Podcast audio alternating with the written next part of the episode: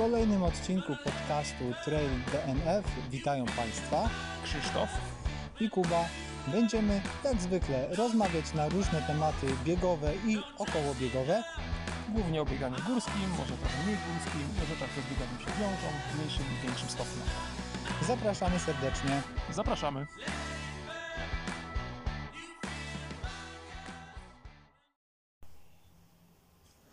Cześć, w dzisiejszym odcinku podsumujemy troszeczkę pół roku z koronawirusem, co się dla nas y, wydarzyło biegowego. Jest to odcinek dość eksperymentalny, ponieważ jest bardzo słabo przygotowany i w wyniku naszych y, ostatnich dyskusji na temat tego, dokąd to wszystko zmierza y, i jak powinien wyglądać podcast, będzie dzisiaj troszeczkę inaczej. To się jeszcze okaże. Cześć. Y, Mecenasem dzisiejszego odcinka jest browar Szałpiw z Poznania. Pozdrawiamy serdecznie. Moje ulubione piwo z tego browaru to piwo Kociamber.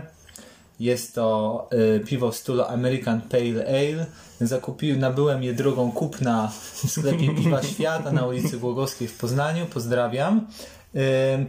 Jeżeli słucha tego ktoś z browaru Szał Piw albo ktoś, kto zna kogoś z browaru Szał Piw, to y, zachęcamy serdecznie do objęcia y, podcastu stałym mecenase, mecenatem. Dobrze się tak dobrze powiedziałem? Dobrze powiedziałeś. E, Jeżeli słuchają nas, słucha nas ktoś z konkurencyjnych browarów, to również zachęcamy do objęcia naszego podcastu mecenatem.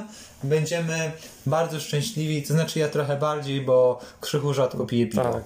Właśnie chciałem podkreślić, że jeśli chodzi o alkohol, żyję wyraźnie cnotliwiej niż Kuba i mm, wiecie, nagrywam podcast, mam tyle szacunku do słuchaczy, że nie raczę się napojami alkoholowymi.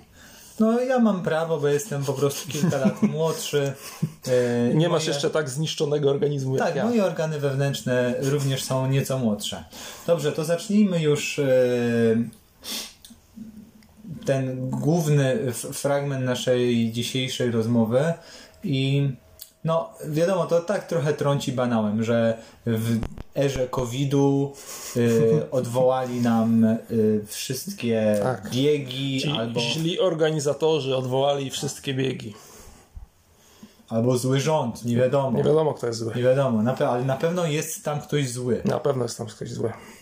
Ale wiecie, nie będziemy rozmawiali, czy COVID to jest jakaś spiskowa teoria dziejów, czy zły człowiek jakiś wypuścił covid z laboratorium, czy nie, czy ten COVID jest, czy go nie ma. Przyjmijmy, że yy, no, z faktami się nie dyskutuje. COVID wpłynął na rzeczywistość. Yy, wyścigów było o wiele mniej, różnych rzeczy było o wiele mniej, życie się zmieniło, rzeczywistość się zmieniła i musieliśmy sobie jakoś z tym radzić. Tak, a ponieważ ym, nasz ranking ITRA, czy tam Rate My Trail nie jest powyżej ośmi- 800 czy 900 Je, jeszcze nie jest. i trudno było nam, byłoby nam ustanowić FKT na jakieś, na przykład, nie wiem, głównego szlaku Beskidzkiego albo Vertikala y, w Tatrach, czy coś takiego. Także starali, staraliśmy się wymyślić sobie rzeczy, które będą nas interesowały, które będą pewnym wyzwaniem, ale będą również skrojone na naszą miarę. I może Krzychu opowiesz o tym, co tobie się urodziło, jakie miałeś plany Dobrze. y, jeszcze przed wirusem, a potem jak to wirus zmutował i zmutował twoje plany. Dobrze. Mm, Pół kroku wstecz może. E, Ja większość swojego życia próbowałem żyć w takiej iluzji kontroli nad rzeczywistością, nad moim życiem, co przejawiało się w tym, że sporo rzeczy miałem zaplanowanych rok do przodu, przynajmniej pół roku do przodu, niczego nie planowałem z wyprzedzeniem dwumiesięcznym, bo to dla mnie już było wariactwo. Więc oczywiście rok e, bieżący też miałem zaplanowany bardzo wcześnie z wyprzedzeniem. Chciałem tylko wtrącić, Proszę bardzo. że no, jakby nie jesteś w tym bardzo odosobniony, bo y, nawet jeżeli ktoś y, nie jest zawodowcem, który musi mieć rozpisany rok startu w przód i tak dalej, nawet, nawet amatorzy jakby są niejako troszeczkę zmuszeni przez organizatorów do tego, żeby planować sobie cały rok, ponieważ większość y, biegów y, wymaga po prostu zapisów na wiele miesięcy przed, więc tak, chcąc, nie chcąc, trudno y, być takim amatorem na pełnym spon spontanie, jeżeli chce się brać udział w zorganizowanych biegach. To się zgadza. I moje plany na rok bieżący oparłem na wydarzeniach, które miały miejsce w zeszłym roku. Otóż rok temu poleciałem do Francji w Pireneje, gdzie jest organizowany wyścig w ramach OK, użyjmy tego słowa, festiwalu biegów.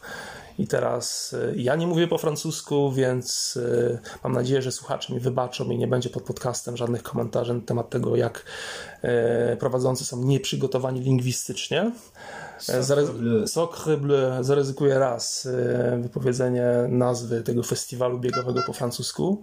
Jest to Grand Raid de Pyrénées, czyli umówmy się teraz, będziemy mówili po polsku, Wielki Rajd Pirenejów i postanowiłem, że wystartuję tam e, na dystansie 120 km, tam jest jakieś 8 tysięcy przewyższeń i nadambitnie, nadambitnie ubzdurałem sobie, że spróbuję pokonać tę trasę w ciągu 24 godzin. Gdyby jakimś cudem udało mi się pokonać tę trasę w ciągu 24 godzin, byłbym, godzin byłbym naprawdę w czubie czubów tego wyścigu, co jest chyba niewykonalne, ale kto wie, kto wie. Natomiast y, to był pierwszy wyścig, y, w którym zaliczyłem świadomego, po prostu centralnie świadomego, bolesnego DNF-a. Zlazłem z trasy. Ja pamiętam, Kuba, że kiedyś rozmawialiśmy na temat DNF-ów. Ja byłem człowiekiem, który po prostu, wiesz, machał pięścią, odgrażał się, mówił, że DNF to jest srom, hańba. W ogóle w twarz bym sobie nie spojrzał w lustrze, gdybym zrobił DNF-a i nagle przychodzi czas, kiedy ja po prostu dochodzę do wniosku, że schodzę z trasy i tam doszło do splotu kilku czynników. I na początku sobie tłumaczyłem, że po pierwsze miałem awarię sprzętu, po drugie zwymiotowałem, bo nie pasowało e, mi jedzenie, e, ale tak naprawdę ja byłem poza wyścigiem e, mentalnie, ja tam byłem fizycznie, nie byłem w ogóle myślami, nie byłem w ogóle duchem i to była taka sytuacja, która uczy, nie wiem jak ciebie, Kuba, nie wiem jak innych, ale mnie nauczyła, że jeżeli masz się mierzyć z poważnym dystansem i z poważnymi przewyższeniami, to u ciebie w domu i u ciebie pod czaszką w umyśle musi być naprawdę porządek, bo tam się walczy umysłem, a nie ciałem, a ja psychicznie w ogóle nie byłem do tego przygotowany i po prostu zszedłem, obiecując sobie, że wrócę tam w przyszłym roku i zawalczę. Paradoksalnie ja tam jeszcze byłem w takim e, punkcie czasowym, gdzie miałem małą, ale zawsze szansę, no może otarcia się jeszcze o jakiś wynik, który by mnie satysfakcjonował. Natomiast y, straciłem jeden bukłak i w związku z tym y, no nie mogłem mieć przy sobie tyle picia, ileś mógłbym. Y, po zwymiotowaniu czułem się dosyć podle i stwierdziłem, że po prostu schodzę, zszedłem i poczułem w pewnym sensie ulgę. I naprawdę chciałem powalczyć w tym roku i to się nie udało. Ja tylko wtrącę, że takie wyzwania, które są naprawdę trudne, im, im trudniejsze wyzwanie, tym y, bardziej musisz mentalnie być w tym, bo jakby samo się nie zrobi. Niektóre tak. łatwiejsze rzeczy tak. czasami kry, tak. kryzysy nie są tak dotkliwe, tak. albo nie dostajesz w tyłek tak bardzo tak. mocno i, i, na, jakoś się dociągnie, no nie? Tak. Tymczasem tutaj, co prawda, ja sam nigdy nie byłem w Pirenejach, ale interesowałem się biegami, które są tam rozgrywane.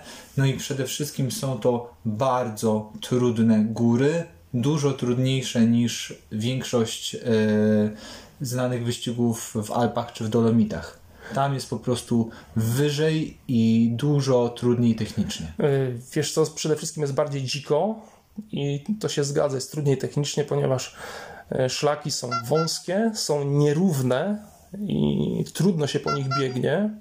Są ostre podejścia, ostre zbiegi, ale to, co mnie pokonało, to był fakt, że ja byłem, tak jak powiedziałem, fizycznie we Francji, a cały czas myślałem, no dobra, to szybko już odfajkuję ten bieg, dobra, tutaj jest 128 tysięcy, spróbuję w 24 godziny i wtedy wrócę do Polski, do domu, załatwiać, załatwiać te rzeczy, które były wtedy dla mnie ważne i zajmowały mój umysł. I każdy kilometr, od pierwszego kilometra, kiedy tylko zacząłem, to była po prostu udręka. Tam nie było ani minuty w ogóle radości, albo zachwytu, albo jakiegoś, jakiejś zgody na to, że tam jestem. To było od początku do końca, to było kilka długich godzin udręki. i zrozumiałem, że po prostu nie walczę z dystansem, e, tylko walczę sam z sobą i to było nie do zniesienia i zrobiłem tego DNF-a. No tak, w tym, w tym roku miałeś to powtórzyć i zrobić tak. dobrze. Tak. Ale no proste, odwołali ci bieg, tak? Tak, odwołali mi bieg. Okazało się, że plan był prosty, czyli trenuję. E, Także robię ćwiczenia ogólnorozwojowe w bodyworku, który ma fajny program ogólnorozwojowy i dużo mi ćwiczenia w bodyworku pomogły. E, jeszcze włączyłem do planu lot do Gruzji trzy tygodnie przed wyścigiem, gdzie miałem próbować wejść na prawie pięciotysięcznik, co się idealnie w ogóle składało e, z całym pomysłem na klimatyzację przed biegiem. I okazało się, że wybucha pandemia, e, zamykają bodywork, trzeba ćwiczyć albo nie ćwiczyć w domu, trzeba zająć się treningiem samemu. Potem okazuje się, że chyba do Gruzji nie da się dolecieć. Organizatorzy mojej wyprawy gruzińskiej sygnalizują, że może Gruzja dogada się z Polską, może się nie dogada. Samoloty może latają, może nie latają. Ja co drugi dzień sprawdzam bilety, sprawdzam linie lotnicze, a może polecę z Warszawy, może polecę z Berlina, nie wiem, może polecę nie wiem skąd. Okazuje się, że Francuzi też piszą z Pirenejów, że nie do końca wiadomo, czy wyścig się odbędzie. I to czekanie na niepewne wydarzenia, taka zmienność, taka niepewność, o której mądrzejsi od nas czasem piszą, że to jest cecha takiego postmodernistycznego świata, że to jest wieczna niepewność, ale w tym roku ta niepewność była wyjątkowo dotkliwa. I w pewnym momencie okazało się, że wyprawa gruzińska została odwołana, samoloty nie latały do Gruzji żadne. Francuzi napisali, że odwołują w tym roku Wielki Rajd Pirenejów. I paradoksalnie wtedy, gdy czytałem w internecie zawodzenie i skargi różnych biegaczy, że o, odwołali mnie bieg, o tam zły organizator zmienił datę albo formułę, ja paradoksalnie poczułem ogromną ulgę, że w końcu coś wiemy. Wiemy, że nie będzie wyprawy, wiemy, że nie będzie wyścigu we Francji, ale to, że nie będzie tego na 100%, to tchnęło troszeczkę takiego świeżego powiewu pewności do tego roku 2020. Mhm. I bez wielkiego żalu przyjąłem do wiadomości, że w tym roku nie, może w przyszłym, może za dwa lata, ale w tym roku nie i trzeba się skoncentrować na czymś zupełnie innym. Mhm.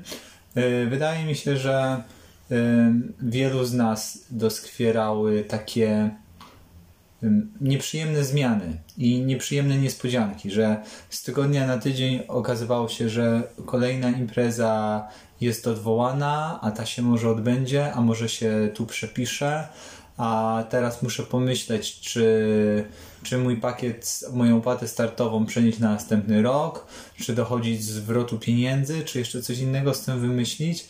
I y, pamiętam też, jak ty, y, jakby znam cię z tego, że właśnie masz wszystko zaplanowane, a przed tą, y, jak się wyjaśniały właśnie te, te rzeczy dotyczące Gruzji i biegów w Pirenejach, no to co chwilę się zmieniała tak. wersja wydarzeń. Tak.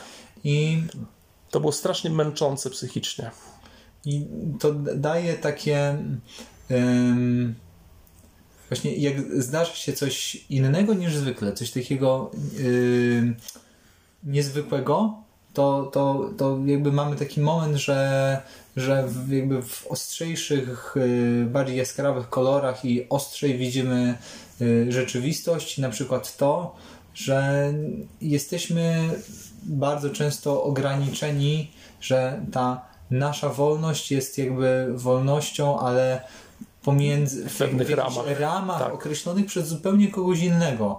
Albo bo, przez wydarzenia jakieś. Tak, niezależne wystarczy, że nam, nie wiem, rzecz nieprawdopodobna w, w, jakby w kontekście ostatnich lat, gdzie my jesteśmy przyzwyczajeni już do strefy Schengen, że sobie wsiadamy w auto w Poznaniu tak. i sobie jedziemy do Włoch i się tak. zatrzymujemy tak. we Włoszech, tak? Po drodze zatrzymujemy się tylko zatankować. Tak. A, a tutaj nagle, nagle zamknięte nie. granice. Nie możesz po prostu wyjechać, nie? Tak. Z, z, kraju.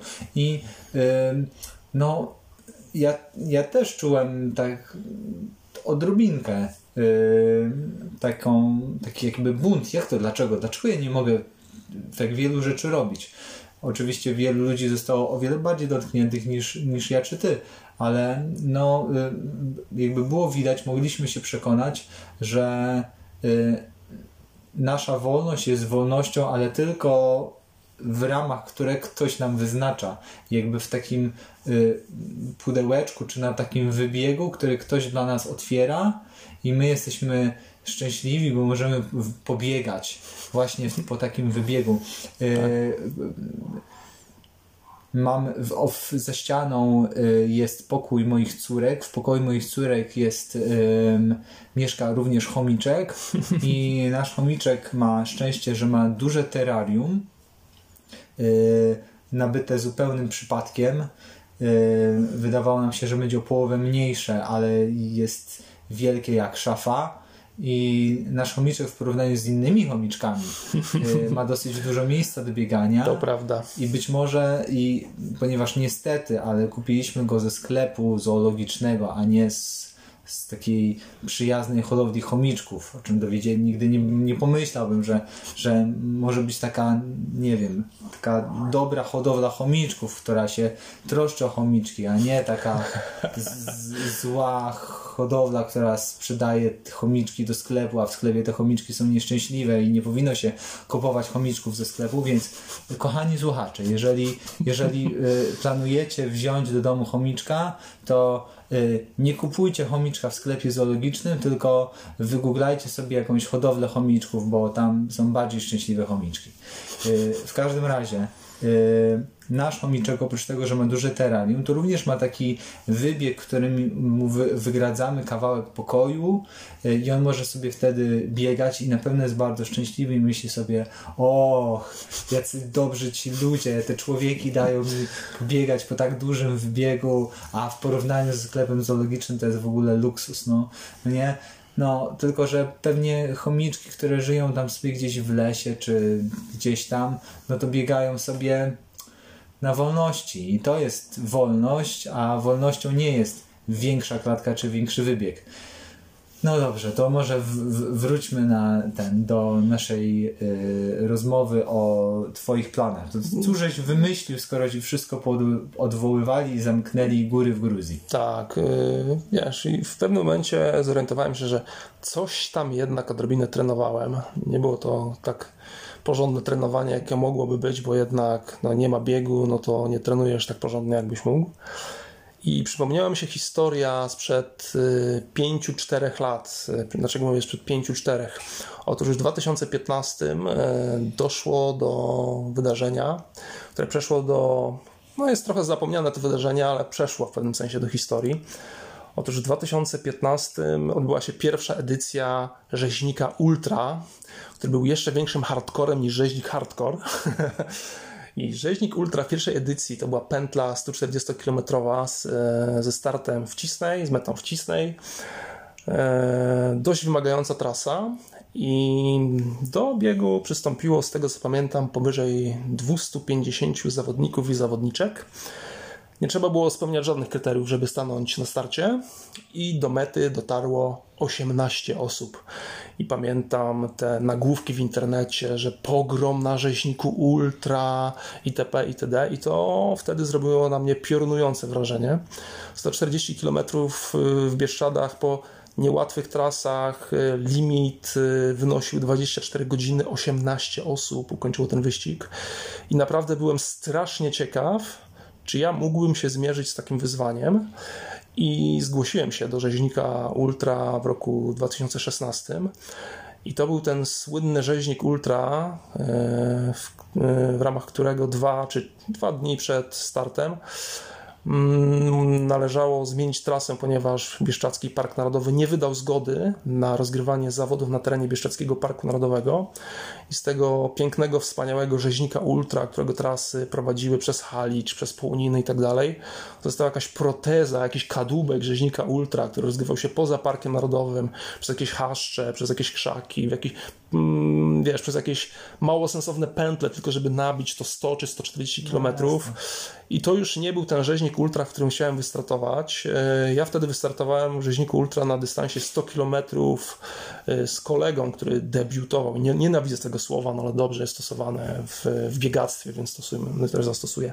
On debiutował wtedy na dystansie 100 km w górach. I on zajął przedostatnie miejsce na rzeźniku Ultra 100, a ja zająłem ostatnie miejsce na rzeźniku Ultrastrom w 2016 Brawo! roku. Dziękuję bardzo. I tu taki żarcik. E, wspominaliśmy, wspominaliśmy czasem w naszych podcastach o sklepie biegowym NBR e, prowadzonym przez naszego przyjaciela Grzesia tutaj z Poznania. To był jeden, jedyny wyścig, w którym ja reprezentowałem barwy, barwy teamu NBR i zająłem ostatnie miejsce. Przyszedłem do annałów, do historii biegactwa jako reprezentant NBR na ostatnim miejscu rzeźnika Ultra 100. Wiesz, zapomniałem trochę o tym rzeźniku. I przypomniał mi się ten rzeźnik Ultra z 2015 i sobie myślę, ok, ale co stoi na przeszkodzie, żebym zrobił to w formacie solo? Oczywiście z supportem w postaci samochodu mojej dziewczyny, która na umówione punkty dowoziła mi w bagażniku umówione rzeczy, ale stwierdziłem, że spróbuję zrobić to solo. I e, pod koniec sierpnia stanąłem na starcie mojego solo projektu Rzeźnik Ultra 140 na trasie z roku 2015. No i w tym momencie już wszyscy jakby tam nerwowo przebierają nóżkami, czy tam na przykład tętno wzrosło, jeżeli słuchają na, podczas jakiegoś wybiegania z pierwszego do, do, do drugiego zakresu, bo już zdraci jak poszło. E, otóż e, obiektywnie nie udało mi się, ponieważ zgubiłem się na ostatnim etapie między jabłonkami a cisną. To jest dość, dość długa historia. Natomiast przez zdecydowaną większość tego projektu solo bardzo dobrze kontrolowałem tempo i bardzo dobrze kontrolowałem czas. Co nie oznacza, że czułem się jakoś komfortowo, ponieważ pod koniec, no wiadomo, że na takich długich dystansach ultra powyżej setki, no dochodzi do tej fazy, ja to nazywam fazą refleksji, w której zadajesz sobie pytanie, po co właściwie to robisz. Czyli nadchodzi zmęczenie, znój, takie troszeczkę otępienie i oczywiście to wszystko było, natomiast przeszedłem tam wszystkie fazy od yy, początkowej euforii, od y, zachwytu, tak, zachwytu, bo kiedy wchodziło, wschodziło słońce, mm, to był piękny poranek. Y, to był taki złoto-srebrno-zielony poranek złoto wschodzącego słońca. Srebro tafli chmur, które zalegały jeszcze w dolinach i w kotlinach i zieleń gór aż po horyzont. Dzień wcześniej przechodził front burzowy i wyczyścił bardzo powietrze. Była świetna widoczność i to były wspaniałe widoki. E, pierwsza część e, projektu Rzeźnik Ultra 140 minął pod znakiem samotności, ponieważ ja nie spotkałem kompletnie nikogo w nocy przez 45 km bodajże. I czasem sobie, wiesz, myślę, a co by się stało, gdyby wyszedł miś na przykład, albo co by się stało, gdyby coś mi się stało, ale z drugiej strony myślałem, co mi się może stać, to nigdzie nie spadnę, nie wpadnę, tu nie ma przepaści. No jedyne, co mi się stanie, to złamię nogę i zadzwonię po GoPro i oni po mnie przyjdą. I to będzie wszystko. E, jedyni ludzie, którzy się mną interesowali, to byli ukraińscy pogranicznicy. E, gdy minąłem Krzemieniec i biegłem już granicą polską, biegłem, właściwie już wtedy podchodziłem pod Wielką Rawkę, to grzecznie pilnowałem się polskiej strony z polskimi słupkami granicznymi i słyszałem tylko, że kilka, no kilkanaście, może z dwadzieścia kilka metrów ode mnie w krzakach dyskutuje dwóch ukraińskich pograniczników na temat tego zjawiska, które widzą właśnie. Zastanawiali się, czy jestem pomylony, czy po prostu jestem jakimś, nie wiem, tylko niegroźnym polskim sportowcem. I w połowie dystansu czułem się bardzo dobrze, kontrolowałem czas, miałem zapas i wszystko szło zgodnie z planem, ale jak wszyscy wiemy, ultra rozgrywa się na drugiej części dystansu. Tam już wyraźnie osłabłem, natomiast wszystko było pod kontrolą i stwierdziłem, że nie świruję i nie cisnę tempa, tylko tak będę kontrolował, żeby się zmieścić między coś w okolicach 22, maksymalnie 23 godzin, ale też, żeby to nie było 22,59, tylko żeby to było 22 z jakimś tam kawałeczkiem. I doszło do tego, że między jabłonkami, między ostatnim punktem a cisną, zgubiłem się, ponieważ trasa, e, do której traka pobrałem od, e, od człowieka, który podpisywał się Mirek w internecie i założyłem, że jest to oryginalna, legitna trasa rzeźnika 140, e, prowadziła poza szlakiem, drogami, które w pewnym momencie przestały być drogami, które wprowadzały prosto do strumienia. Ja w pewnym momencie szedłem w górę strumienia, po prostu po kamieniach, po wodzie, po przewróconych pniach. Gdy znalazłem znowu drogę, okazało się, że ta droga prowadzi w ścianę lasu, albo być może była to droga 5 lat temu, ponieważ wchodziłem w krzaki, które sięgały mi do klatki piersiowej, raniłem sobie uda w jeżynach i czułem pod stopami, że ewidentnie są tam jakieś kolejny po samochodzie, który jechał tam może 10 lat temu albo 5. W środku jest ta sekcja drogi, która jest niewyjeżdżona, czyli jest troszeczkę wyżej. Natomiast to wszystko było zarośnięte krzakami do klatki piersiowej, e, kończyło się jakimiś stromymi podejściami. W pewnym momencie ja wiedziałem, że gdzieś tam wyżej, jakieś 200 metrów nade mną jest czerwony szlak, do którego muszę dotrzeć. Mhm. Stwierdziłem, że po prostu będę szedł na pałę wzdłuż tego, przepraszam, w górę tego zbocza, ale po 5, 7, może 10 metrach wchodzenia na czworakach przez gęstwinę, przez krzaki, przez korzenie, przez jeżyny, co kupiłem po prostu pokaleczeniami i tak dalej, stwierdziłem, że nie zrobię w ten sposób 200 metrów. Y, miałem mokre buty od ułażenia po tym strumieniu i straciłem w tym miejscu ponad godzinę, kręcąc się może w w jakiejś takiej okolicy w promieniu kilkuset metrów maksymalnie, może dwuset, no, nie, no trudno mi w tej chwili powiedzieć. W ogóle to jest fascynujące, jak, znaczy to nie jest fascynujące, to jest fakt. Po 20 godzinach wysiłku, jest godzina 22, 23, to się okazuje, że czas biegnie bardzo szybko, błyskawicznie ten czas mija, błyskawicznie tracisz czas, a twój umysł jest bezradny. Ja w pewnym momencie po prostu za pomocą kompasu w ogóle sprawdzałem, gdzie jest północ, gdzie jest południe. Okazywało ja miałem zalaminowane fragmenty mapy Bieszczadzkiego Parku Narodowego i okolic, ale na przykład były takie szczegóły, że y, stałem w miejscu, którego nie znałem, kilka razy świeciłem czołówką na zalaminowaną mapę, odbicie światła od tego laminatu mnie raziło, więc potrzebowałem kilku sekund, żeby przyzwyczaić wzrok do ciemności, aż w pewnym momencie ja straciłem poczucie kierunku, więc nie wiedziałem, w którą stronę iść. Na przykład minut zastanawiałem się, czy ja idę przed siebie, czy się cofam i czegoś takiego jeszcze nigdy nie przeżyłem.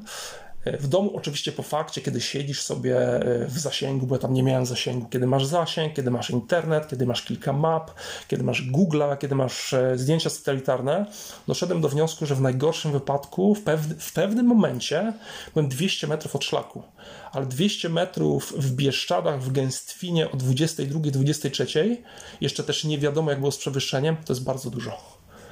I po prostu w pewnym momencie, kiedy wiedziałem, że już nie dotrę do Cisnej w ciągu 24 godzin, wycofałem się i stwierdziłem, że to jest, y, no, no tak się kończy moja przygoda z rzeźnikiem ultra, a wnioski z tego są niekonkretne. Nie wiem, czy Cię wnioski interesują, ale mam pewne przemyślenia na ten temat. To zanim ty podasz swoje przemyślenia, to ja podam swoje przemyślenia. Proszę bardzo. To powinien być, być chyba taki moment, gdzie normalnie by się wiedzie, jak, jest film na przykład, to teraz obraz z Krzyśkiem poruszającym yy, ustami by taki był zatrzymany na stopklatce. Jeszcze z takim, jeszcze z takim zakłóceniem obrazu, jak było dawniej na kasetach VHS. I teraz właśnie przełączamy się na... Sobie. Teraz ekspert będzie. Do centrum dowodzenia. Otóż drodzy... Drodzy słuchacze. Moi drodzy. Czego nie robić? Czego, czego nie robić? Czego to nas uczy? Jakby... Y, what did we learn? Tak. tak Jaki z tego wniosek płynie? nauczyliśmy? Otóż... Y, ja bardzo kibicowałem y, Tobie podczas tego projektu byłem całkowicie przekonany, że to zrobisz w 24 godziny i jakby śledziłem międzyczasy. Twoja dziewczyna też mi podawała SMS-em i ty też tam kolejne międzyczasy. Ja to jakby odnosiłem do, do trasy i widziałem, że lecisz po prostu na 22 godziny. I w, te, w te 22 godziny, jak pewnie byś, sko- pewnie byś skończył. No, no jak jeżeli yy, słuchacze mają ochotę, to mogą wrócić sobie do wyników tego pierwszego rzeźnika Ultra i zobaczyć, jak tam, jak wyglądają 22 godziny na tej trasie w klasyfikacji. No jest to już, no jest to porządny wynik, no i, i tyle, nie będę Ci tutaj maślił. Yy, natomiast Y, tak jak Ci już mówiłem y, poza protokołem, poza naszym studio, no, możesz, uważam, możesz, że zacy, zacytuj klasyka. No, spieprzyłeś trochę. Uważam, no. że tak jak bardzo rzadko pozwalam sobie na taką y, otwartą krytykę, najczęściej sobie tam troszeczkę polemizujemy, ale na zasadzie, no mm, być może zrobiłbym inaczej, albo być może coś tam, ale szanuję, y, szanuję i rozumiem i tak dalej. Tak tutaj wydaje mi się, że, y, że trochę dałeś ciała, y, ale jest to lekcją na pewno tak.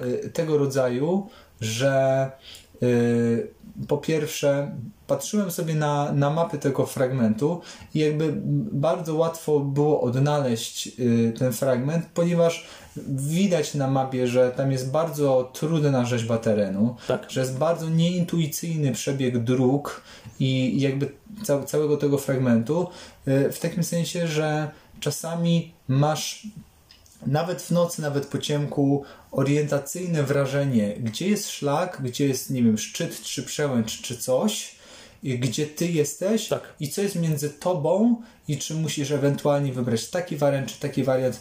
Tutaj po prostu było widać na mapie, że troszeczkę to jest takie, że możesz się zakręcić w kółko i nie będziesz wiedział, gdzie jest lewo, gdzie jest prawo, gdzie jest góra, a gdzie dół. Po prostu Tak no, był to bardzo trudny fragment i y, uważam, że y, jednym z Twoich błędów było to, że jak tam siedziałeś kilka dni, to trzeba było zastanowić się, jakie fragmenty trasy będziesz pokonywał po ciemku Zgadzam się. tego y, już po całym dniu, końcówkę, czy tam nie ma właśnie takich fragmentów, które będą bez fizycznych oznaczeń trasy, po prostu trudne nawigacyjnie. Bo wiadomo, że w momencie, kiedy jesteś na szlaku, kiedy jesteś na głównym szlaku beskidzkim, czy szlaku turystycznym, no jest to łatwiej. Nawet jeżeli ten znak będzie, jeżeli oznaczenia nie będą nie do końca pewne, to jednak jest to szlak turystyczny, on powinien być przedeptany, on powinien mieć jakby dosyć yy, oczywisty przebieg. Natomiast w momencie, kiedy właśnie ta, ta trasa rzeźnika ultra chcąc nie chcąc, fragmentami musiała się przedostać z jednego logicznego kawałka na drugi logiczny kawałek w jakiś sposób. No i miejscowi wiedzą w jaki sposób. No tam jest ścieżka, a tam ominiemy ten potok, a tam wyjdziemy przez tam y, coś tam i jesteśmy na szlaku. No nie, no i po prostu w jednym z takich, takich miejsc ugrzęzłeś. Y, I w jednym z, to jakby jeden, jeden taki błąd, że to miejsce niestety powinno być opracowane, a bo właśnie zasadnicza różnica między Twoją próbą solo a faktycznym rzeźnikiem ultra był, była, była taka, że ten rzeźnik ultra był po prostu otaśmowany, no po prostu był oznakowany. Ja jeszcze coś powiem na ten temat, ale proszę kontynuuj. Dziękuję bardzo. Ale nie wolno ci y, krytykować ani poddawać. Dobrze, Nie, nie, ważne. proszę, Y, kontynuuj, y, kontynuuj. Druga rzecz to jest taka, że y, no ja byłem na nasłuchu, no Tak. nie? I w momencie, kiedy zdarzył się taki fuck up, to moim zdaniem zamiast próbować czterech y, różnych bezsensownych rozwiązań, na przykład y, a może tu pójdę i może na coś trafię, albo teraz spróbuję walnąć na rympał, no nie w tych górach, no po prostu wpadniesz w jamę, zagrzebiesz się w, jeszcze, w leszczynach i po prostu wygrzebie cię leśniczy za miesiąc. Bez sensu. Y, Trzeba było wrócić, wrócić po własnych śladach. Y, Zegarek, który miałeś na ręku ma opcję taką, że on ci zwraca twoją aktualną pozycję. Trzeba było nadać do bazy jestem taka i taka długość i szerokość geograficzna. Sprawdź mnie na mapie, gdzie jestem i sprawdź, co ja teraz powinienem zrobić, bo faktycznie z analizy mapy wynikało y, tyle, że y, znajdujesz się w odległości 200 albo 300 metrów od miejsca, w którym powinieneś być. No nie? I to jest y, lekcja dla ciebie, dla mnie i myślę, że jedna z wartościowszych rzeczy, którą może wyciągnąć ktokolwiek, kto tego słucha, Tak. że I myśli o projekcie solo. Zobaczcie, y, 24 godziny, 100, 140 140 km, a cała sprawa rypła się na 130. na, na 130 km i na przestrzeni właśnie kilkuset metrów. Kilkaset metrów zaważyło o czymś, Tak. Myślę, że jest, z, z 200. Z 200 metrów czy jest meta, czy nie ma mety, nie? Tak. Także to jest dosyć jakby mocne doświadczenie. Bardzo, bardzo ciekawa sprawa. Y, Czy mogę? A bardzo proszę. Ja się zgadzam z Tobą, że spieprzyłem i oczywiście powinienem to sprawdzić wcześniej. I gdybym to sprawdził wcześniej, to y, myślę, żebym nie wykorzystał tego wari- wariantu, tym bardziej, że uwaga, ja byłem strasznie ciekaw, y, co się tak naprawdę działo w tym miejscu w 2015 i skontaktowałem się z Pawłem Pakułą, którego pozdrawiamy, który w 2015 zajął doskonałe drugie miejsce podczas y, rzeźnika Ultra 140. I on, co prawda, na początku mówił mi, że nie do końca pamięta, ponieważ to już było 5 lat temu, natomiast y, z opowieści podawał mi szczegóły. Wynikało, że y, faktyczna trasa, faktyczny przebieg trasy rzeźnika Ultra e, w roku 2015 nie odpowiadał trasie, którą ja miałem wgraną na traku, tylko kulturalnie trasa przebiegała czarnym szlakiem z Jabłonek do Czerwonego Szlaku, który potem biegnie do Cisnej. Ja kiedyś byłem na tym szlaku i to jest szlak do przejścia, to jest normalny szlak turystyczny, więc nie wiem, co się stało w 2015.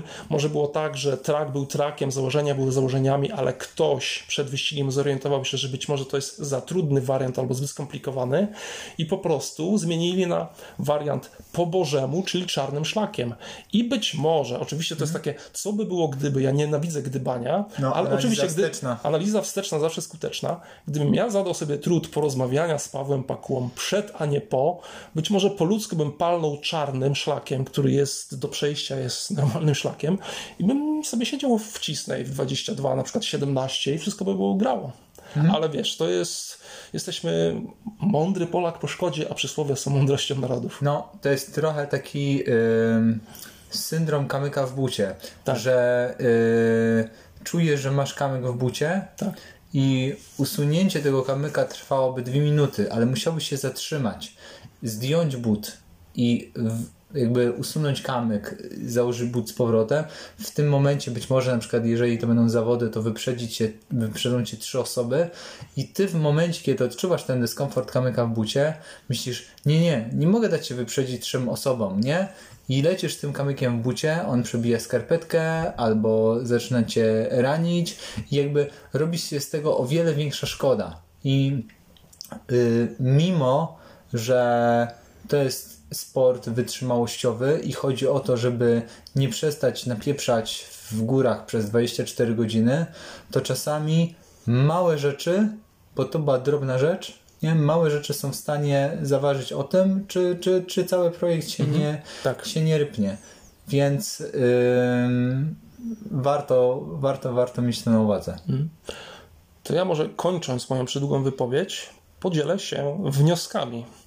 Otóż myślałem o tym, jakie wnioski płyną z mojej przygody, i absolutnie nie chcę powiedzieć po tej mojej przygodzie i prawie jej ukończeniu z sukcesem tego, że e, w 2016, gdybym startował na tej trasie, to ukończyłbym te zawody, bo po pierwsze nie pamiętam w jakiej byłem formie, ale uwaga, ja e, miałem o tyle lepiej niż zawodnicy, że ja miałem w samochodzie wszystko, o czym sobie wymarzyłem, a jeżeli nie miałem tego czegoś, to prosiłem mój support, żeby pojechał do sklepu i dwie godziny później to miałem.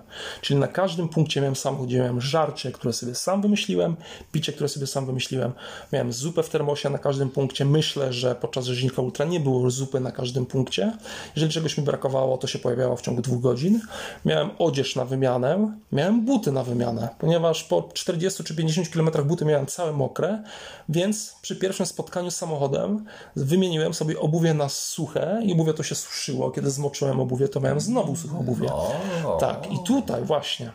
I chodzi mi o to, że absolutnie nie chcę powiedzieć, że gdybym brał udział w zawodach e, z supportem organizatora, poszłoby mi tak samo, ponieważ uważam, że szczegóły podczas tego projektu robiły horrendalną różnicę. Hmm? Ja czułem, że ta zupa z termosu, moje ulubione picie, moje ulubione mikroelementy bardzo mi pomagają.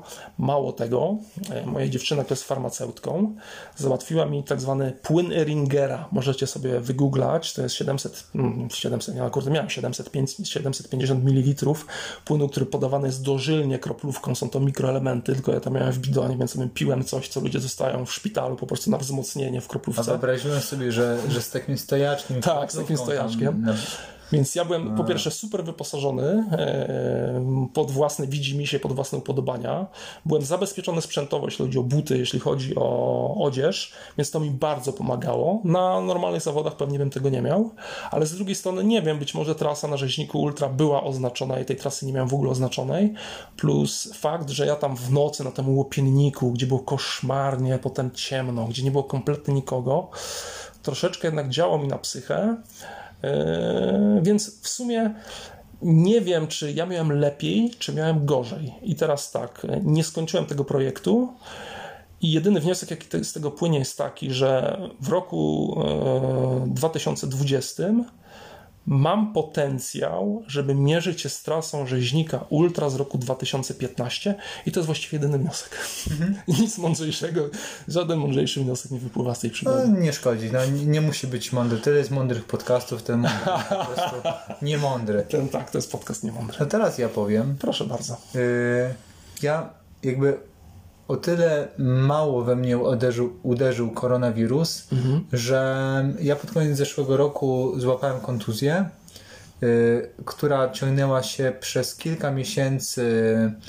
Y, jakby cały czas stan się pogarszał i jakby, jakby sensem tej kontuzji najważniejsze było to, że nie mogłem biegać powyżej 40 minut godziny, bo od, po jakimś kwadransie zaczynał się pojawiać ból i on stopniowo narastał, narastał, narastał, aż, aż stawał się po prostu nie do zniesienia i musiałem przerwać trening. I tak było naprawdę przez kilka miesięcy. E, potem sytuacja została opanowana. Kontuzja nadal nie jest wyleczona do końca, ale teraz już mogę biegać i mogę biegać nawet przez, przez e, wiele godzin i ból się nie zwiększa problem nie został rozwiązany, no ale myślę, że jest to na tyle poważna sprawa, że jakby problem będzie rozwiązywany długofalowo. Y, w każdym razie y, na wiosnę byłem ciężki, zupełnie niewytrenowany i zupełnie nie miałem pomysłu na to, gdzie miałbym wystartować, bo yy, tak jak mogłem sobie planować na przykład, że sezon rozpocznę Y, w Szczawnicy od Wielkiej Prychyby, no nie, która mi się bardzo spodobała, albo od Chyżej Durbaszki, czyli tego krótszego dystansu, tak yy, biegłem na jednym i drugim dystansie, uzyskałem tam wyniki, które mnie dość satysfakcjonują. I wiem, że absolutnie nie byłbym w stanie w tym roku yy, zrobić lepszego wyniku. I z tego powodu, kiedy biegi, również te, w których być może chciałbym wziąć udział, były po kolei odwoływane, to mnie to specjalnie nie martwiło. No nie, bo y, ja nie startuję bardzo dużo, y, a jak startuję, to z myślą taką, żeby pobiec na miarę swoich możliwości. Oczywiście te możliwości są skromne, ja nie mam żadnych ambicji jeżeli chodzi o miejsce w klasyfikacji, ale mam jakby własne ambicje, które da się przełożyć na, na czas, czy potem na, na punkty w tych różnych y, rankingach, które wyceniają y, jakby Twój występ na, na takich zawodach. I wiedziałem, że, że w tym roku nie jestem w stanie zrobić dobrego wyniku, więc odwoływanie zawodów mnie za bardzo nie bolało. Oczywiście zmartwiłem się, że został odwołany festiwal UTMB, bo liczyłem, że być może uda mi się jak przez ostatnie lata pojechać, bo jest to wielkie święto. No ale UTMB też zostało y, odwołane, przez co jak, jak mogłem pojechać na Chojnik i, i, to jest na razie skrót myślowy, który, który może jakoś tam jeszcze, jeżeli starczy czasu, to wytłumaczę. Natomiast ponieważ były odwoływane zawody, a ja w międzyczasie opanowałem kontuzję na tyle, że mogłem już biegać, więc zacząłem się zastanawiać, co by tu zrobić, no nie? I tak, nie jestem żadnym wymiataczem, więc w grę nie wchodziło ustanawianie najlepszego czasu gdziekolwiek, no bo... Chyba, że na dziewiczej trasie jakiejś. To jest jakby, no... No nie wiem, musiałbym znaleźć trasy, które jeszcze nikt nie no pobiegł. No właśnie o tym mówię. No nie? A nie wiem, yy, nazywanie yy, jakby, nawet jakbym zrobił jakiś projekt, że chcę przebiec jakąś tam trasę, nie wiem, załóżmy, trasę Chudego Wawrzyńca, no nie? To no jakby nie można tego określić jako FKT moje własne, no bo jakby ten, ten skrót oznacza po prostu najlepszy wynik na danej tak, trasie. Obiektywnie. I jakby widzę w przeciągu tego roku, że no, że właśnie z, z, braku, z braku zawodów yy, biegacze wymyślają sobie różne rzeczy, no ale nie wszyscy prezentują poziom taki, żeby, żeby móc konkurować o najwyższe miejsca, albo móc ustanawiać najlepsze czasy. jednocześnie czasami te projekty właśnie zyskują takie nazwy, które brzmią tak mocno, tam takie są duże słowa i czasami trochę mi to jakby tak troszeczkę zgrzyta piaskiem w zębach. Tym niemniej zdecydowanie jestem zdania, że każdy powinien zastanowić się, czy każdy może zastanowić się, co go ciągnie, co go woła, co do niego przemawia i na co by miał ochotę yy, coś, co można zrobić w górach i po prostu to zrobić. Yy, I zastanawiając się nad tym, co by tu wymyślić, pamiętam, że rozmawialiśmy a propos tych Bieszczadów i trochę jakby nas, nastąpił jakiś, jakiś zbieg kilku okoliczności, który w mojej głowie zaowocował pomysłem, żeby przebiec się tras klasyczną trasą biegu rzeźnika czyli y, fragmentem czerwonego y, szlaku, głównego szlaku beskidzkiego y, od Komańczy do Ustrzyk czy Ustrzyków. No cały czas nie wiem. Jak nie, nie wiemy. Tak. Może ktoś ze słuchaczy Prosimy o pomoc. Jak tak. Się, jak ja się, mam z tym zawsze, zawsze problem. Razie, do miejscowości Ustrzyki. Tak, meta w Ustrzykach. I z biegiem rzeźnika wiążą się moje wspomnienia biegowe, ponieważ bieg rzeźnika na tej klasycznej trasie to było moje pierwsze ultra. Y, w 2012 roku, ledwo ukończone, ale ukończone po wielkich przebojach i jakby początek takiej fascynacji i, i sympatii do y, biegów ultra w górach. Y, potem na rzeźnika wracałem jeszcze trzy razy. Y, trzy razy w parze z, z Szymonem I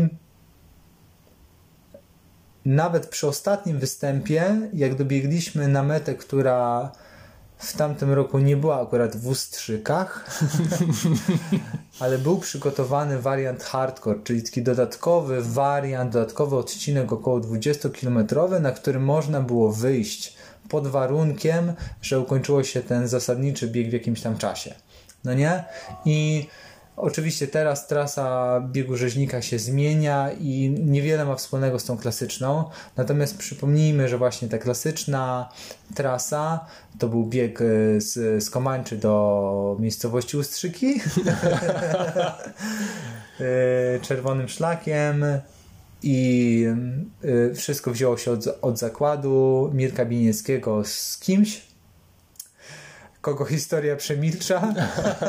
Chociaż może na pewno w, myślę, że w, w książce o, rzeź, o biegu rzeźnika jest to wszystko wyłuszczone. E, w każdym razie zakład polegał na tym, że trzeba ten, ten, ten fragment szlaku zrobić w 12 godzin. I mm, pamiętam, że w, w latach, kiedy nie było jeszcze tak wielu imprez, bieg rzeźnika na tej klasycznej trasie był określany jako jeden z najtrudniejszych biegów w Polsce i ten wariant hardcore, który przedłużał z 70 około 7 km do około 100 km, 100 km około 5000 przewyższenia, to był prawdziwy hardcore, więc to był rzeźnik hardcore i to brzmiało naprawdę strasznie. dumnie, naprawdę dumnie, naprawdę strasznie. E, I właśnie tego jednego roku, kiedy z Szymonem udało nam się całkiem szybko skończyć zwykłego rzeźnika, e, zastanawialiśmy się, czy nie wyjść, nie wyjść na ten odcinek hardcore, żeby mieć tego hardcora zrobionego, chociaż nie na klasycznej trasie, ale jednak uznaliśmy, że dobrze nam się siedzi i generalnie chyba już nam się nie chce. A w tym roku stwierdziłem, że być może yy, chciałbym to zrobić solo że to jest właśnie coś takiego, co, co stanowi wyzwanie. No i jak już opowiadaliśmy w jednym z poprzednich odcinków, y, wybraliśmy się wspólnie, pokonaliśmy trasę klasycznego biegu rzeźnika z metą w miejscowości Ustrzyki. Natomiast ze względu na moje problemy żołądkowe odpuściliśmy ten wariant hardcore. Jest mi przykro z tego powodu i czuję, że projekt nie do końca został jakby uwieńczony sukcesem, bo nie został, bo nie o to chodziło. Natomiast y, gdyby nie, na, gdyby nie to nastawienie na hardcora, to byłbym jakby zachwycony, ponieważ trafiły nam się niesamowicie korzystny warun w Bieszczadach, yy, piękna pogoda, cudne widoki i wszystko było super cacy, oprócz tego, że nie zrobiliśmy tych 20 ostatnich kilometrów. I cóż, mam, ja mam autentycznie taki problem. O tym rozmawialiśmy wielokrotnie i rozmawialiśmy o tym już przed UTMB, czyli w 2015 roku, tak. ponad 5 lat temu. To jest niesamowite, że dla nas to UTMB jest y, takim troszeczkę uwieńczeniem jakiegoś etapu. Tak. To, jest... to, to, to, był koniec pewnego etapu. To, I, tak. mhm. Już wtedy wiedzieliśmy, że trudno będzie znaleźć coś, kto nas, co nas tak będzie zajara przyciągało tak, tak bardzo. Tak mocno. Tak. I faktycznie od tego czasu absolutnie nie wydarzyło się nic, co by mnie zajarało tak mocno jak, jak UTMB. Co roku wracałem do Chamonix i robiłem inny dystans i to miało sens, żeby kompletować te te, te wszystkie tasiemki, te wszystkie numery startowe i zrobić każdy dystans. Niestety w tej chwili zostało mi do zrobienia tylko PTL. Jakby nie, nie, nie czuję się na siłach troszeczkę. E, w każdym razie mm, oczywiście startowałem nadal, tylko żaden z, ty, z tych startów jakby nie wniósł nic zasadniczego w moje życie. No nie? To było po mhm. prostu, nie wiem, to były zawody w, w biegach górskich, tak. które były albo fajne, albo bardzo tak. fajne i oczywiście niczego nie żałuję tak. i wszystko było super. A pewnie coś, coś trzeba było zrobić, to coś robiłeś. Tak. Yy, dlatego na przykład teraz nie mam zielonego pojęcia. Gdybyś mnie zapytał o plany na resztę roku, no pewnie pojadę na Łemkowynę. Yy, okay. Bo co roku jeździmy z, z Anią, bo nam się tam po prostu bardzo podoba. Yy, jest to jakiś taki punkt programu. Natomiast yy, bardziej towarzyski, jeżeli chodzi o właśnie spotkanie znajomych i przyjaciół, o powtórzenie takiego doświadczenia, które jest fajne, ale jakby nie ma tam żadnego wyzwania, czy nie ma tam nic wielkiego. I tutaj chciałbym jeszcze kilka minut poświęcić e, Chojnikowi, który, na który jechałem właśnie dokładnie z takim nastawieniem, że nie jest to żadne wyzwanie, nie jest to nic wielkiego. Po prostu znowu kilka rzeczy się zbiegło w czasie. To znaczy, został odwołany festiwal UTMB, więc końcówka sierpnia, początek lipca był nie miałem wtedy zaplanowanego żadnego wyjazdu. E, po drugie, w wakacje byliśmy y, w Karkonoszach y, przy okazji urodzin y, mojej młodszej córki na takich warsztatach z poszukiwaniem minerałów oraz po prostu, żeby pochodzić ze znajomymi i z dzieciakami po górach. I to był świetny wyjazd i Ania y, wspomniała jakiś czas po tym wyjeździe, że fajnie jeszcze byłoby tak wyskoczyć w góry i to jest super i te karkonosze teraz z Poznania są tak blisko faktycznie. I zbiło się to w czasie z tym, że na Facebooku organizatorzy Chojnika y, opublikowali post z zaproszeniem na wolontariat i pomyślałem sobie, że właśnie można by było z tego zaproszenia skorzystać, pojechać na weekend w góry, przy okazji zrobić coś dobrego e, i jakby zaznać troszeczkę atmosfery zawodów, troszeczkę atmosfery gór, spędzić miło czas i jeszcze odrobinę pożytecznie. No i to się wszystko udało. Mm, I tutaj chciałbym wspomnieć o czymś takim, co nie bardzo ma być może dobry odpowiednik w języku polskim. E, w języku, jakby w, języku angielskim jest sformułowanie giving back to the community, czyli jakby takie odwdzięczanie się, oddawanie społeczności. Tutaj jakby y, widzę już jakby taki przekąs. Tak, mnie, mnie, mnie trochę śmieszy to stwierdzenie, ale mm -hmm. okej, okay, dobra. Tak, rozumiem. E, natomiast jakby to, to, to sformułowanie, ono pochodzi z oceanu, z Tak. wielkiej wody, ze Tak. Stanów, gdzie Trąci wszyscy- taką troszeczkę amerykańską sztucznością, ale trochę trudno powiedzieć, bo ja nigdy nie byłem w Stanach Zjednoczonych i może to jest tam bardzo autentyczne. Wydaje się, że oni są szczerze przekonani o tym, że y, społeczność biegaczy trailowych czy ultra tworzy naprawdę taką społeczność community, taką Tak. wspólnotę. Ym, Jest to na pewno temat do rozwinięcia w jakimś podcaście. Kolejnym?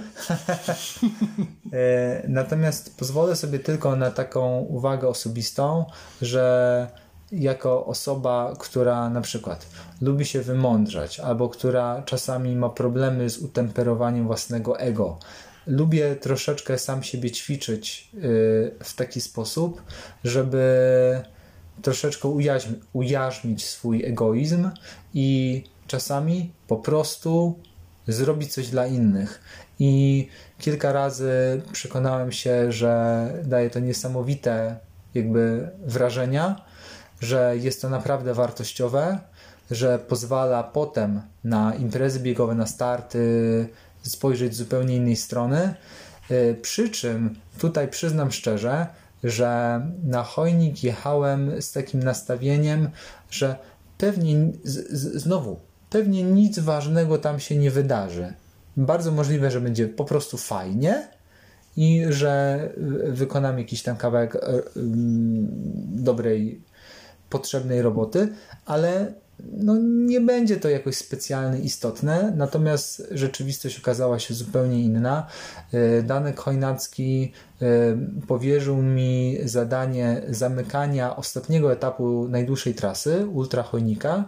Ostatnie 36 czy 38 km z Karpacza em, przez Grzbiet Karkonoszy do Sobieszowa, gdzie była zlokalizowana meta.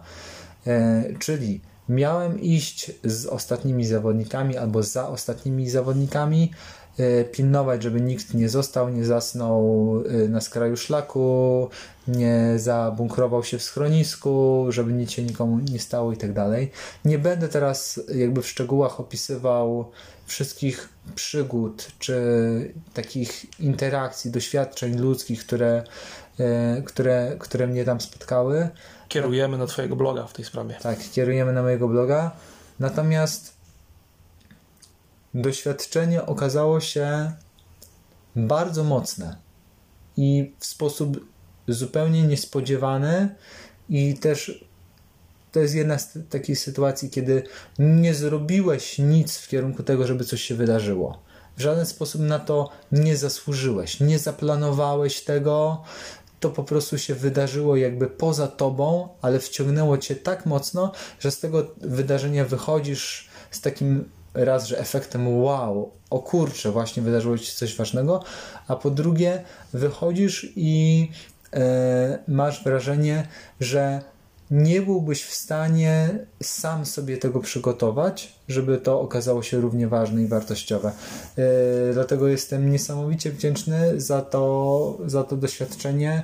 Bardzo bym chciał yy, to powtórzyć i ten chojnik jakby w pewien, w pewien sposób jakby dokończył to takie półrocze covidowe, w którym każdy kombinował, żeby coś, coś, coś z tego zrobić, żeby coś miało Tak. sens, że przecież Coś wykrzesać. tyle trenowałem i I- odwołałem i po co? zawody i po co. Ci źli ludzie odwołali zawody, nie? Tak. I tutaj okazało się, że można sobie wymyślać najróżniejsze rzeczy, y, projekty solo, przebiec jakąś tam trasę, podjąć próbę ustanowienia najlepszego czasu gdzieś tam, czy wymyślić sobie jeszcze inną rzecz, a na końcu rzeczywistość i tak ciebie potrafi zaskoczyć. Tak. I w sytuacji, kiedy najmniej się tego spodziewasz, dzieją się rzeczy, które naprawdę są istotne i wartościowe. I jest to bardzo y, dobry moment na to, żeby przejść do kącika kod odcinka. Jeśli zdążymy, ale myślę, że Chyba- zdążymy. Tak, tutaj mam nasz, nasza aplikacja. Dwie minuty, dobra, jedziemy. Świeci się na czerwono. Kot odcinka. Ale chwileczkę spokojnie, spokojnie. Tak? To jest wszystko tutaj. Pod kontrolą. Tak, po prostu możemy jakby ten fragment podcastu zakończyć i rozpocząć nowy. Fantastycznie. Dlatego, kochani słuchacze, teraz będzie taki y, techniczny mały zon, Chwila muzyki. w którym my coś tam zrobimy Tak i zaraz w familiadzie kącik muzyczny będzie. Cześć.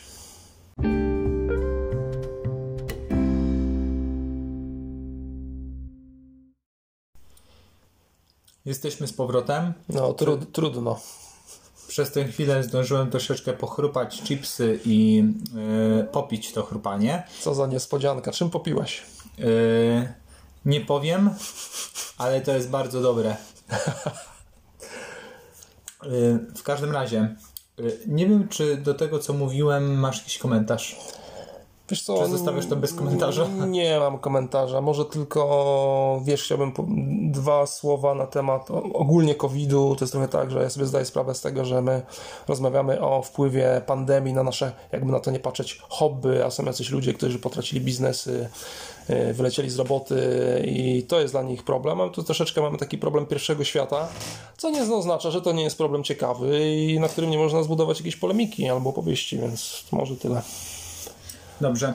Ja też chciałem y, tutaj y, przeprosić słuchaczy za to, że y, ten podcast nie jest taki bardzo profesjonalny, że na przykład zdarza mi się w mojej wypowiedzi y, zdarzyło się kilka takich solidnych zawiech, gdzie z tyłu powinno być słychać jakieś cykanie świerszczy albo jakiś taki inny efekt dźwiękowy, a tak naprawdę to się powinno wyciąć i ja powinienem złożyć swoją wypowiedź do kupy i wtedy dopiero jakby to nagrać ale ostatnio, ostatnio, wczoraj, wczoraj mieliśmy z Krzychem rozmowę na temat podcastu i autentyczności w tym, y, w tym podcaście. Słowo klucz, autentyczność. To jest, to jest bardzo ciekawe.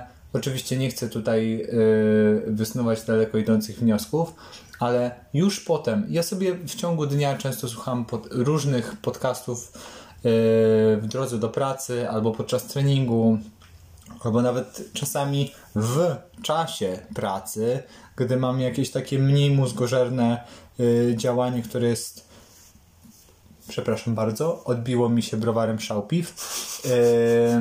Kiedy mam jakieś powtarzalne działanie, które nie jest mózgożerne, wymaga klikania tam na komputerze i coś tam się musi przetworzyć, przemielić i potem trzeba następny, następny raz kliknąć, tak jak jest przesuwanie na przykład deklaracji do ZUS-u.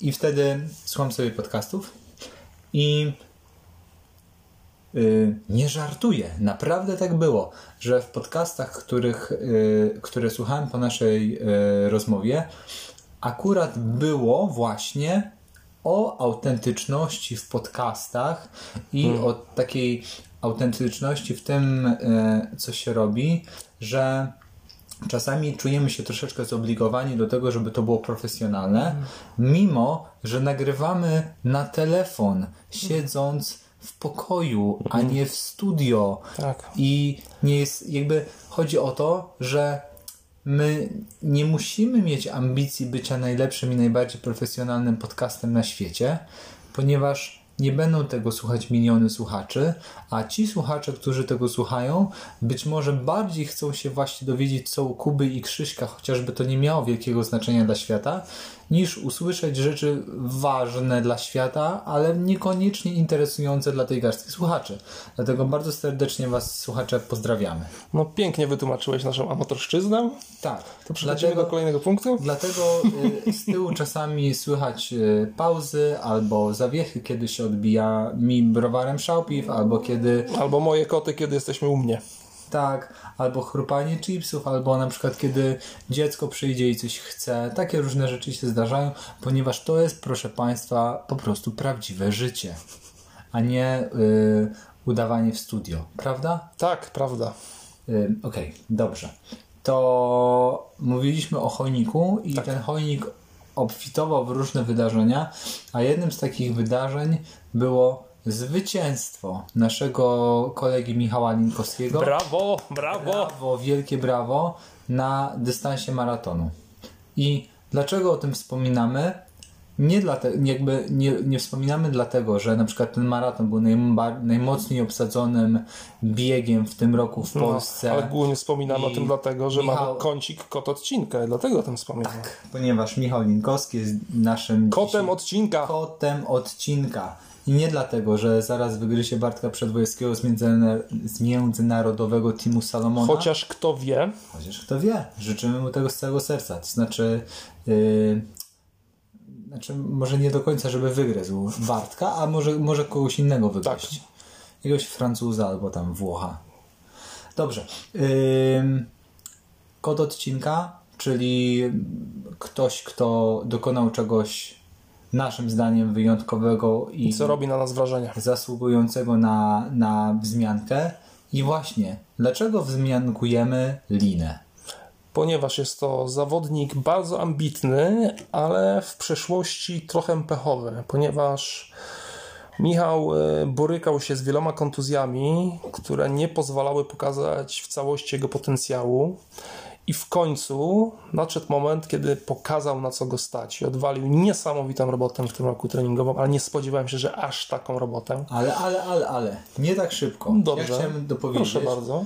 że Lina to jest taki, taki y, biegacz, który na przykład, jeżeli umawiamy się z chłopakami na trudny trening, jakiejś wymagającej pętli, gdzie wiadomo, że na samym tym treningu będzie porządny to Lina na przykład dobiegnie 15 km na ten trening i Tak. potem po tym treningu jeszcze będzie Wróci wracał do domu. po ciemku do domu. Y, Biegiem. tyłem. Albo na przykład ym, czując, że na przykład boli go kostka albo kolano, zrobi sobie na przykład y, trzydniowy obóz w górach, gdzie pokona 80 Tak. km I 4000 zrobi w górę. i potem będzie mówił, że przez cały weekend bolało go kolano, ale było fajnie. Tak, to jest właśnie taki kot. I ja się bardzo cieszę, że wygrał te zawody. I Michał jest człowiekiem, który ma ogromne poczucie humoru, co pozwala na to, że on często żartuje sam z siebie, ale niestety jego historia kontuzji doprowadziła do tego, że niektórzy jego znajomi w niewybredny sposób żartowali na jego temat. Ja apeluję teraz, to jest moment, yy, kiedy wszystkie żarty na temat Michała Linkowskiego ostatecznie odchodzą do historii. Ja traktuję tę uwagę bardzo osobiście, ponieważ y, zdarzało mi się również żartować Ja myślę, że też przynajmniej raz z niego zażartowałem gdzieś i kiedyś i to już się, myślę, mniej więcej nie powtórzy, bo tu nie masz czego zżartować. Bo było tak, że Michał kilkakrotnie dał sygnał naprawdę dobrego potencjału. Uzyskał naprawdę imponujące wyniki w, w jakichś tam zawodach. Może nie były to zwycięstwa czy, Tak. czy miejsce na podium, ale były to naprawdę solidne wyniki. Tak. Po czym y, na przykład następowała kontuzja, długa przerwa, albo na przykład w tej przerwie Michałowi zdarzyło się y, jakby zmienić sylwetkę na y, bardziej pasującą do innych sportów, niekoniecznie do biegania długodystansowego, co właśnie było przyczynkiem do niewybrednych żartów i całego otoczenia. Natomiast y, uży- nadużywam słowa natomiast. Mamy naszych Nie szkodzi, ja także nadużywam tego słowa. Y, Mamy naszych znajomych z podcastu Niepoważne Treningi z Wrocławia. A, słyszałem, słyszałem Tam na przykład jest y, Grzesiek Syczomski, który y, nadużywa słowa faktycznie. A faktycznie, Więc ja używam, nad, nad, y, nadużywam słowa natomiast, ale będzie mi to wybaczone, ponieważ treść jest tutaj ważniejsza niż Tak forma. Y, I dlaczego w ogóle, dlaczego o tym wspominamy? Raz dlatego, że Michał jest naszym znajomym, jest naszym kolegą i czułem się naprawdę, czułem autentyczną, wielką radość w momencie, kiedy stałem na mecie chojnika. y, Moje córki rozdawały medale i wbiegali na metę zawodnicy z kilku dystansów. Znaczy właściwie wbiegali w większości z półmaratonu i czekało się na pierwszego zawodnika z maratonu i no, wszelkie, wszelkie znaki na niebie i ziemi wskazywały, że powinien być to słonik, czyli Dominik Wodarkiewicz. Wodarkiewicz. I y, w momencie, kiedy y, i było to ważne z tego względu, że medale dla każdego dystansu miały inną y, tasiemkę i trzeba było temu dzieciaczkowi, który tam wręczał medal, najpierw wskazać medal, który ma wręczyć, żeby na przykład zawodnikowi, który startuje w półmaratonie, nie, żeby Nie dostał ul- ultrachojnika. Właśnie tak. I w momencie, kiedy zauważyłem właśnie, że zbliża się zawodnik, który ma niebieski, a nie pomarańczowy numer, mówię, kurczę, jest pierwszy z maratonu. I tak się złożyło, że chyba zarówno Słonik, jak, jak i Lina mieli niebieskie koszulki. I w pierwszym Mhm. momencie myślałem, kurczę, Słonik, le, leci Słonik, nie? Ale po chwili mówię, To nie Słonik. to nie Słonik, to nie. Zacząłem się drzeć jak opętany, w ogóle harczeć tam, wywrzaskiwać, Lina! I naprawdę czułem ogromną radość, dlatego, y, że to jest taki przykład, ach, jakby to powiedzieć, to jest przykład ambitnego amatora. Tak. Znaczy, no, tak, to jest przykład wieloletniego, wielomiesięcznego, wieloletniego uporu, który w końcu go zaprowadził no, do zwycięstwa na zawodach. Tak, i dzie- 99% przypadków takich ambitnych amatorów kończy się na ambicji, Tak. kończy się na treningu, kończy Ja myślę, się że na tym. wielu ludzi by się po prostu poddało. On nigdy nawet nie sugerował, że mógłby się poddać, albo to rzuci w kąt, albo już ma dosyć. Mhm. On zawsze tryskał jakimś, wiesz, energią, optymizmem i tymi planami na przyszłość dalszą, bliższą i tam nie było żadnych wątpliwości, że mimo tych przeszkód, mimo kontuzji, które yy, nie pozwalały pokazać wszystkich jego możliwości, on nadal parł do przodu cały czas i ten upór był niesamowity u niego. Mhm. Zawsze. I też ja chciałbym dodać, że Lina jest już po prostu facetem po czterdziestce. To nie jest młody chłopak, sorry, ale to nie jest młody chłopak, który ma e, wielkie możliwości regeneracyjne, który na przykład mieszka z rodzicami, wszystko ma pod nosem i w ogóle ma czasu Tak. e, w bród, tylko to jest e, dorosły facet, Z odpowiedzialną robotą i wiesz. tak, który musiał to po prostu wywalczyć. Wyrywać zębami po prostu Tak, wszystko. musiał to wyrwać zębami, musiał gryźć piach i po prostu on to I zrobił. wygryzł ten piach, oczywiście. Więc Wielkie gratulacje i brawa. wielki szacun i y, tak jak czasami rozmawiamy na temat y, ogólnie motywacji, inspiracji, co nas inspiruje, co nas mo- y, motywuje, y, kiedy na przykład czytam w, wpis Kiliana, że zrobił sobie taką mega jednostkę treningową, że słuchaj dobrze, bo ty tego pewnie nie wiesz. No nie wiem, nie Słuchaj, wiem. jednost, Słucham. jednostka treningowa Kiliana. Najpierw robi 1000 metrów przewyższenia i te Okej. 1000 metrów przewyższenia robi w pół godziny. Okej. Potem struchtał na dół, po czym zrobił 10 km po płaskim Mm. poniżej 30 minut. Kiedyś możemy zrobić podcast na ten temat chyba. Yy, jakby to jest rzecz, która oczywiście imponuje, no bo to jest Tak. niewiarygodne, niesamowite. No Kilian jest po prostu przekotem kosmosu, Mhm. natomiast jest to rzecz, do której ja osobiście nie potrafię się odnieść. No To także. jest dla mnie abstrakcja. Dla mnie to jest fikcja kompletna. Mhm. To jest dla mnie kompletna fikcja i jeżeli zmierzasz do tego, że Michał inspiruje cię w tej chwili bardziej niż Kilian, to się zgadzam z tobą. Zdecydowanie Oczywiście, tak. tak.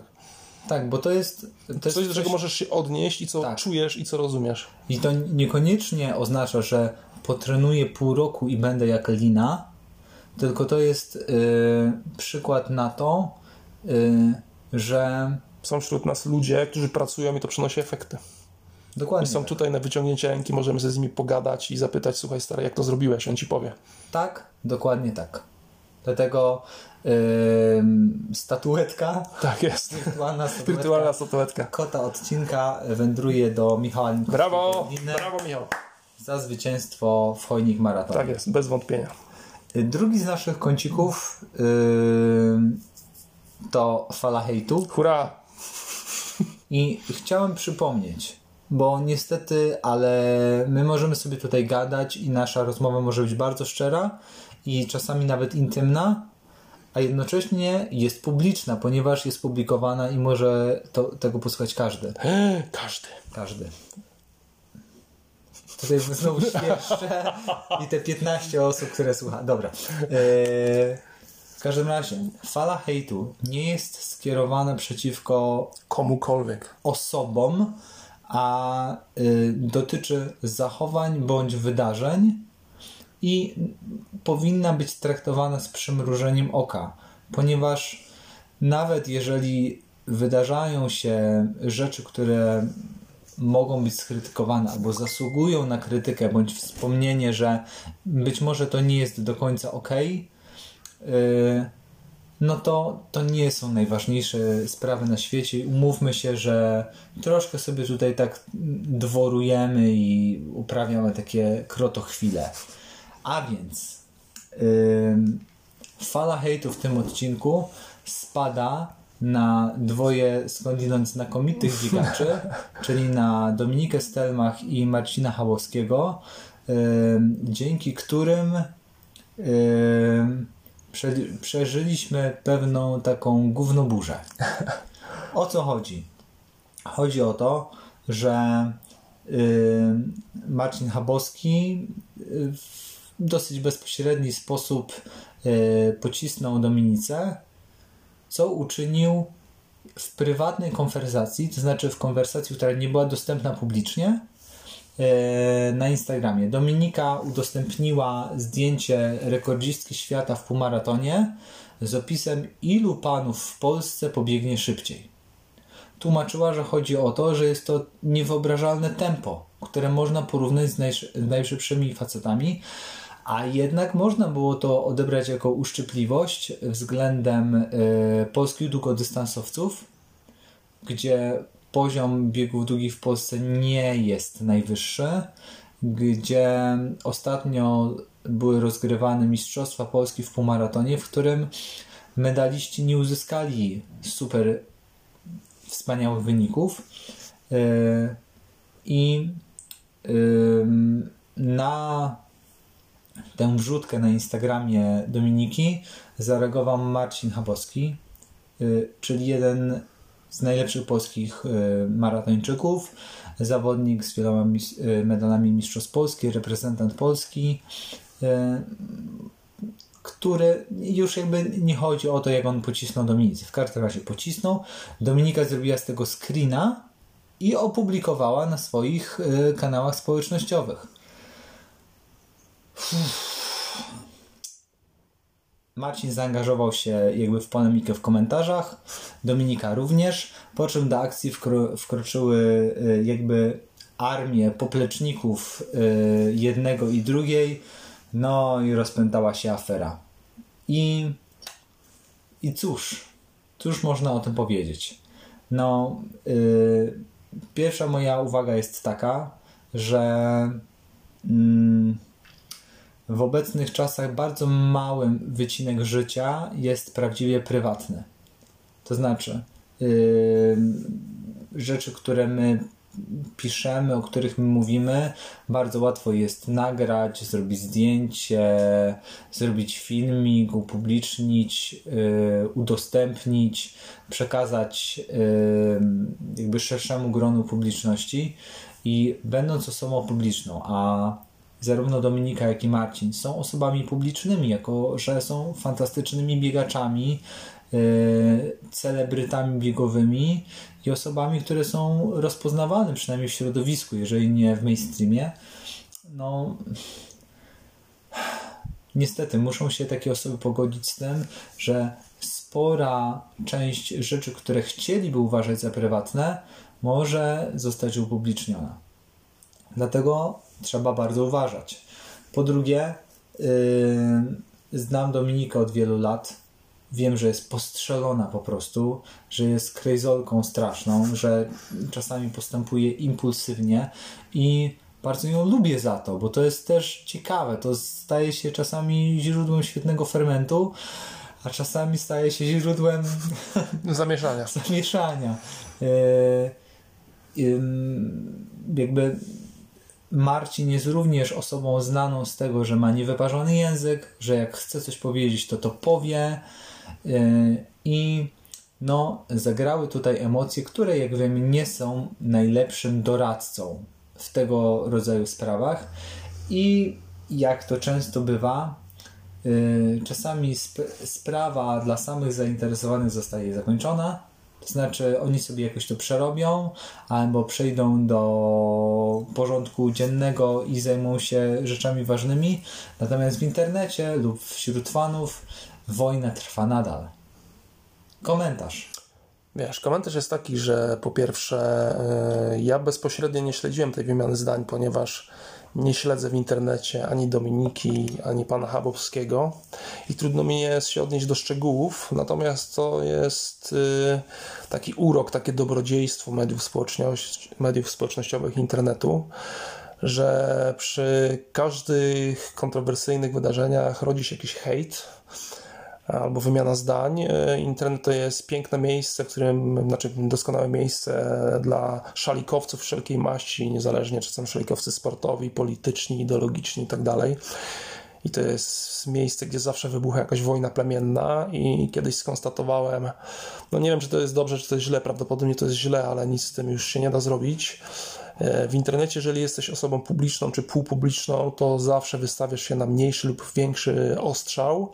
I mimo tego, że tam jest mnóstwo treści w tym miejscu, w tym internecie, czyli czytasz, słuchasz, są jakieś Facebooki, Instagramy, podcasty i tak jest mało treści, według mnie, może źle szukam, ale wydaje mi się, że jest mało treści konstruktywnych, a przede wszystkim e, każdy myśli o tym, jak kogoś, to jest takie piękne sformułowanie, jak kogoś zaorać. Jedni wystawiają się na zaoranie, tak, a inni tak. chcą kogoś zaorać.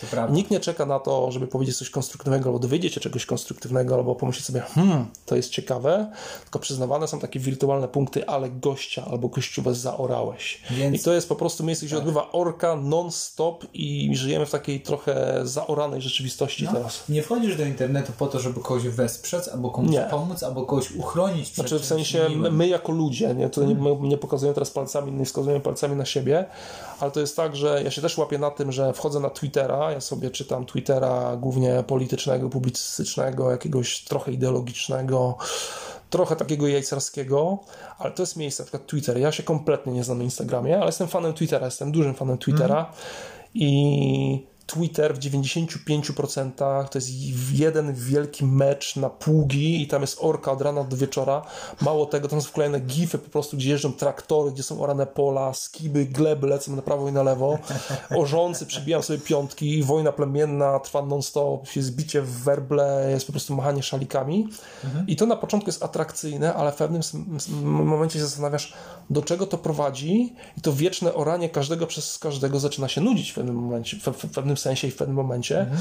I tak, jest rok, tak. E, je, je, je, jest rok tak jaki jest, Anno Domini 2020 i to jest e, rok, w którym po prostu wszyscy ożą się na Facebookach, na Instagramach i na Twitterach i cóż, czy zmądrzejemy? Pewnie nie, bo gdyby internet był 300 czy 500 lat temu, to już wtedy byśmy się orali. Mhm. Internet mamy w, teraz w XXI wieku i pewnie historycy za 100 czy 200 lat będą pisać, czy nie wiem, w socjologii będzie napisane takie zjawisko jak internetowa orka, będzie się oczywiście mądrzej nazywało, się okaże, że spuściliśmy psa ze smyczy, który nazywa się, nie wiem, ludzka nienawiść, czy zawiść, czy chęć właśnie do kopania każdemu na każdy temat, a internet jest wspaniałym narzędziem do orania i dokopywania. No mhm. i cóż, musimy mieć tego świadomość. Jest tu coś takiego, że musisz mieć ostatnie słowo. Tak. Albo że tak. musi być ktoś, kto zaorał i ktoś, tak. kto został zaorany. Tak. Czyli jakby. Nie może być remisu nigdy. Nie może być remisu. I teraz właśnie to jest fajny moment, żeby powiedzieć, że moim zdaniem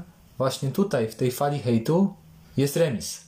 Dlaczego jest remis? Dlatego, że y, Dominika y, zrobiła niefajną rzecz upubliczniając screena z prywatnej rozmowy, a Marcin zrobił niefajną rzecz y, jakby zachowując się po prostu nieelegancko wobec Dominiki, tak? Teraz Dominika w końcu tam skasowała tego screena i użyła słowa przepraszam. To się chwali. Marcin y, opublikował oświadczenie, w którym nie użył słowa przepraszam, ale starał się nakreślić kontekst całego zajścia. I yy, ja pozwoliłem sobie w internecie na zamkniętej grupie, nie jakoś bardzo publicznie, ale jednak wobec na przykład innych osób, na to, żeby yy, użyć nieeleganckiego sformułowania wobec Marcina, na co Marcin zareagował i się odezwał do mnie osobiście i słuchaj, on do mnie zadzwonił. No proszę. Ponieważ uznał za celowe wyjaśnienie sprawy. No, wspaniale. I zostałem wywołany do tablicy. No nie? I dlatego tutaj jest również y, mój osobisty y, szacun dla Marcina, że mu się chciało. No nie? Mhm. Że mógł mi, nie wiem, mógł mnie zwymyślać, mógł to zlać, a zadał sobie chociaż tyle, jakby tyle trudu, że poświęcił swój czas i y, przeprowadził ze mną szczerą rozmowę. Y, tak więc jakby ostateczny wniosek, który z tego płynie, że fala, ta fala hejtu nie jest skierowana ani przeciwko Dominice, ani Mhm. Marcinowi, ale przeciwko takiemu troszeczkę mm, pochopnemu pozwalaniu sobie na emocjonalne wpisy, Mhm. które niezależnie od intencji autora potem zaczynają żyć własnym życiem. Tak, właśnie dlatego, że trafiają na podatny grunt zaangażowanej emocjonalnie publiczności. Tak, i też trzeba pamiętać o tym, że cokolwiek, czegokolwiek by się nie napisał, to zawsze będzie to odbierane, odbierane bardziej jako agresja i atak, niż y, jest to Twoją intencją, ponieważ Ty pisząc to może masz, nie wiem, inny stan świadomości, y, inny stosunek niż byś chciał, ale jeżeli coś napiszesz, jest to suchy przekaz tekstowy, to jest to odbierane zawsze przez drugą stronę jako atak. I musisz pamiętać, że naprawdę musisz e, wyważonych sformułowań używać, bo zawsze będzie to interpretowane, cokolwiek napiszesz, jako bardziej atakujące niż, niż jest w rzeczywistości.